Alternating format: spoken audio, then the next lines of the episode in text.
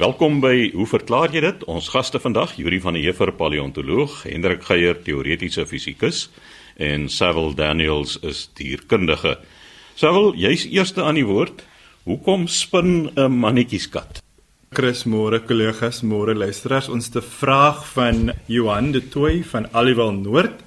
Die vraag lees as volg: My mannetjieskat purr wanneer hy tevrede of gelukkig is. Die vraag is wat presies veroorsaak die purgeluid? Ek hoor ook soms tydens die purgeluid 'n sagte snorkgeluid wanneer hy uitasem. Tydens die gepurdery skei hy ook meer speeksel af. Ek weet nie of gepurdery 'n korrekte Afrikaanse stelling is nie, maar ons laat dit nou maar daar.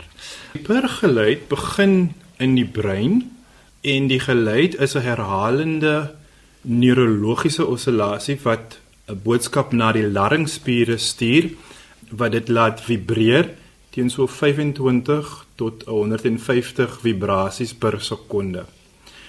In die algemeen maak diere geluide om te kan kommunikeer. So of dit nou 'n mannetjieskat is of 'n wyfieskat, die diere per gewoonlik om een of ander boodskap oor te stuur. Daar is ook navorsing wat wys dat hierdie purgeluid veral wanneer dit gedoen word met mense in die omgewing deur die diere gebruik kan word as 'n subtiele manier om die eienaar se reaksie te kry of om die eienaar 'n bietjie te manipuleer of vir die dier om te probeer sê dat hy honger of ongelukkig is. En hierdie geluide kom gewoonlik teen 'n redelike hoë frekwensie voor. Die geluid word dan in die algemeen gebruik om 'n emosie te probeer oordra en emosie sit ek hier tussen aanhalingstekens of dan nou om soos jy reg sê om dit aan te dui of die dier gelukkig of ongelukkig is. Daar is ook bewyse dat hierdie pergeluid gebruik kan word om byvoorbeeld die diere se immuunstelsel aan te hits en dit kan dan nou help ook met die diere wanneer hulle siek is om gouer gesond te raak. So dit is nou die antwoord wat ek nou vir jou daai het oor die gepurdery van die katte. So sê Sewil Daniels, ons dierkundige, volgende aan die beurt Hendrik Geier, teoretiese fisikus. Nou Hendrik, die vraag wat jy onder andere beantwoord, hoe beïnvloed massa die tempo waarteen tyd verloop?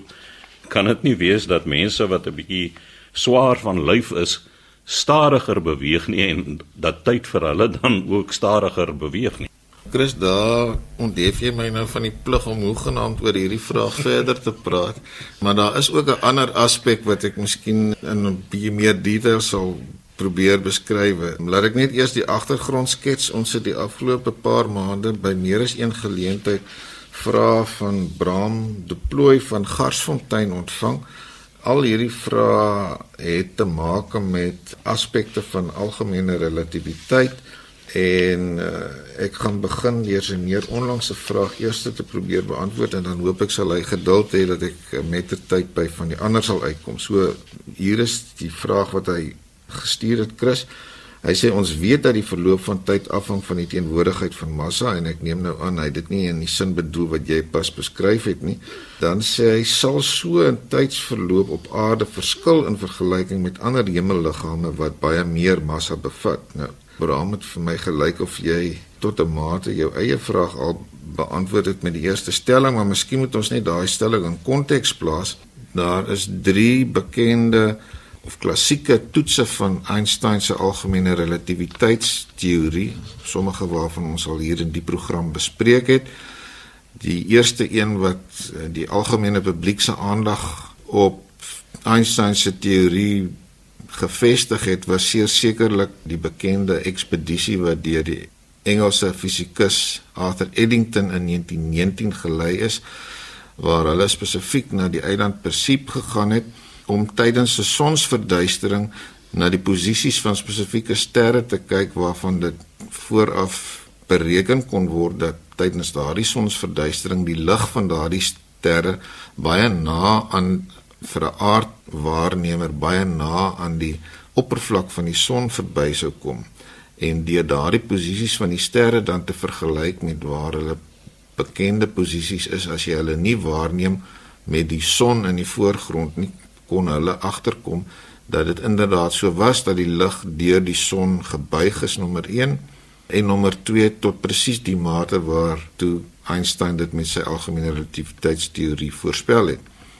Tweede klassieke toets van algemene relativiteit gaan oor die verklaring van die sogenaamde presessie van Mercurius se perihelion.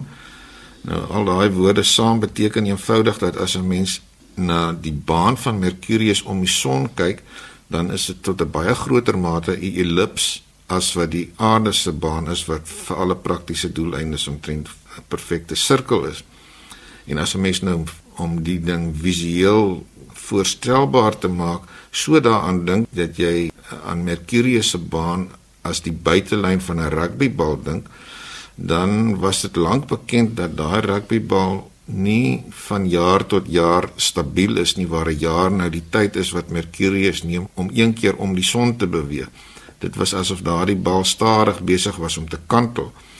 Nou deur eenvoudig Newton se teorie te gebruik van gravitasie en die invloed van al die ander planete aan die een kant en aan die ander kant ook die feit dat die son nie net 'n puntmassa is nie al daardie goed kon ingespan word om te verduidelik dat daar inderdaad so 'n kanteling van Mercurius se baan sou moes plaasvind maar daar was telkens 'n diskrepansie gewees tussen die syfer wat 'n mens op hierdie manier kon bereken en dit wat waargeneem is. Nou dit was 'n baie klein verskil maar nietemin een wat gebly het en waarvoor daar nie 'n goeie verduideliking was nie om dit net in syfers te noem. Die hoek waarteen Mercurius se baan kantel is omtrent so iets soos 600 hoeksekondes per eeu en vir almal behalwe omtrent 43 kon daar met Newton se gravitasie beskrywing 'n verklaring gegee word daardie 43 sekondes het presies gepas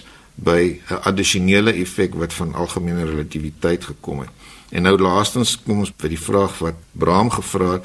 Dit gaan daaroor dat in die teenwoordigheid van massa, dit wil sê in 'n gravitasieveld, is dit so dat enige vorm van tydhouding beïnvloed word. So om dit nou kort om te stel, enige iets wat as 'n oorlosie funksioneer of dit nou 'n meganiese oorlosie is of 'n biologiese oorlosie, enige iets wat meer daar 'n periodiese aksie geassosieer is so 'n oorlosie sal ver weg van 'n massiewe voorwerp vinniger tik as een wat nader aan so 'n massiewe liggaam sou wees. So dit is inderdaad so Einstein se relativiteitsteorie voorspel dat hoe nader jy aan 'n massiewe objek is, hoe stadiger gaan jou oorlosie loop.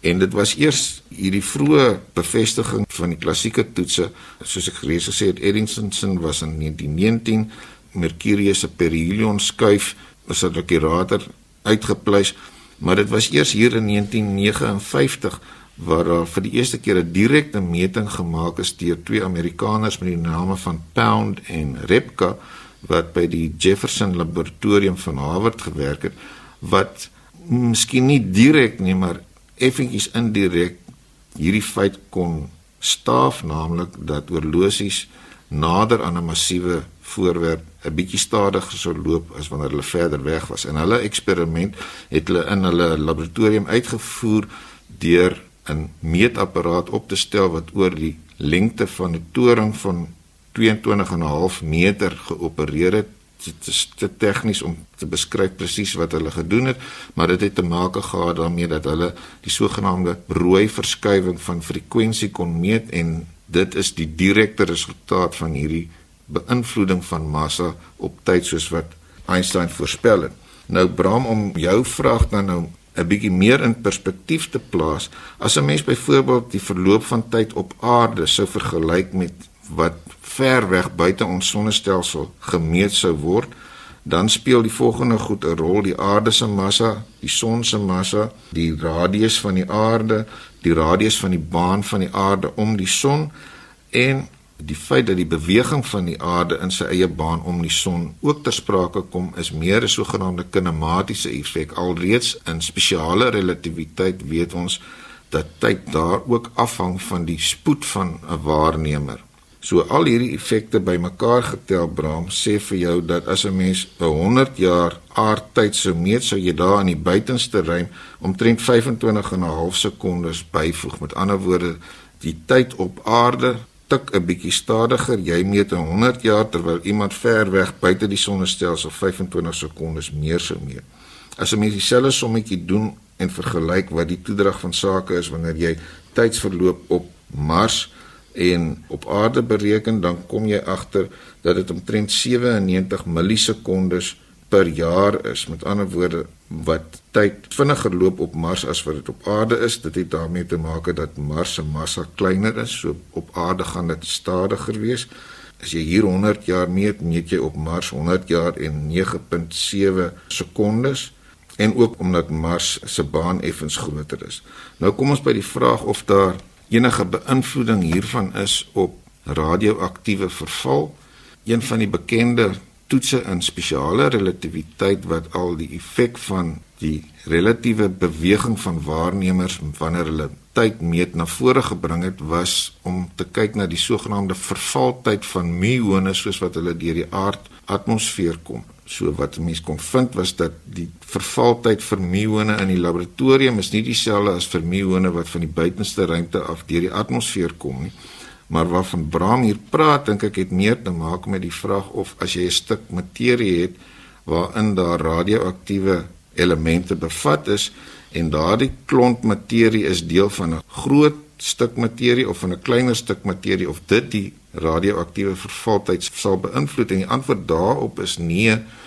En dit is eintlik 'n belangrike oorweging wanneer 'n mens kyk na hoe fisici byvoorbeeld die modellering van sterprosesse in byvoorbeeld 'n poging om supernovas te beskryf, hoe daardie goed bereken word, dit het te maak met hoe die kerne van elemente in daardie sterre radioaktiewe verval ondergaan en daar word nommer 1 aangeneem en daar is geen rede om te dink dat dit nie korrek is nie dat die vervaltye in sterre waarvan die massas baie groter is as die aarde presies dieselfde is as op aarde op 'n manier kan 'n mens sê the proof of the pudding is in the eating thereof want as jy daardie aannames maak en jy al hierdie ingewikkelde modelle gebruik om jou berekeninge te doen met as inset die bekende radioaktiewe vervaltye van die elemente op aarde dan kry jy goed wat baie goed ooreenstem met wat byvoorbeeld vir supernovas waargeneem word. So die kort antwoord is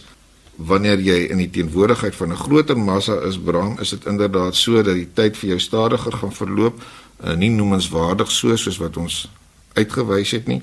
Radioaktiewe vervaltye word nie deur die teenwoordigheid van massa beïnvloed nie. En dan as afsluiting Chris, ons het al dikwels daarna verwys dat hedendaagse GPS eintlik vir hierdie effek, naamlik dat as jy verder van 'n massa af is, die tyd vinniger gaan verloop dat dit in aanmerking geneem moet word want onthou GPS werk daarmee dat satelliete wat redelik ver van die aarde af is omtrent 20000 km telke male syne uitstuur en daardie syne bevat die inligting van die tyd op hulle atoomoorlosies wanneer die sein uitgaan en waar hulle eie posisie is soos wat hulle dit relatief tot die sterre bepaal.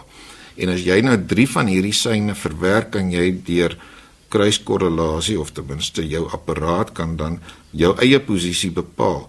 Maar daardie afstand wat hierdie satelliete van die aarde af is, bewerkstellig alreeds 'n tydsverskil tussen wat jy op die satelliet meet en wat jy op aarde meet wat in aanmerking geneem moet word. Nou natuurlik teen ligspoed wat daardie syne heen en weer gestuur word, praat ons hier van sulke dinge soos nanosekondes wat ter sprake is vir die sein om daai afstand te reis maar as 'n mens gaan kyk wat die effek is op die berekening van die posisie uiteindelik dan kom jy agter dat jy praat hier van tiene van meters. So as jy akkuraat wil wees, moet jy die algemene relativiteitsteorie korreksie in aanmerking neem wanneer jy jou uiteindelik jou berekeninge doen en dis natuurlik wat die onderskeie apparate ingebou outomaties doen. So jy hoef dit nie te doen nie.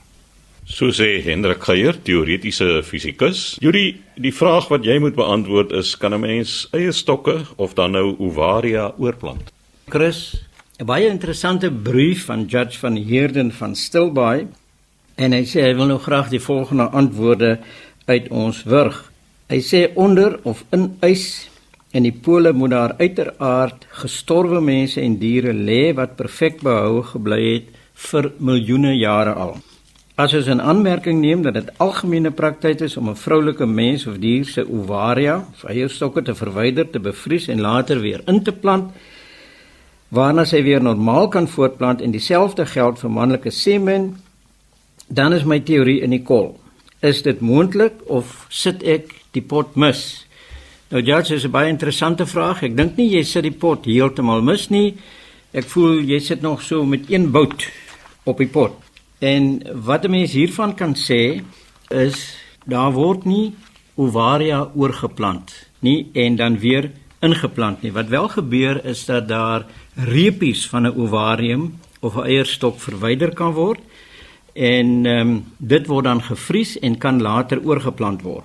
Nou In baie gevalle groei dit nie of ontwikkel daar nie eierselle nie, so die uh, chirurge wat hiermee werk, hou daarvan om met 'n hele aantal van die eiers te werk.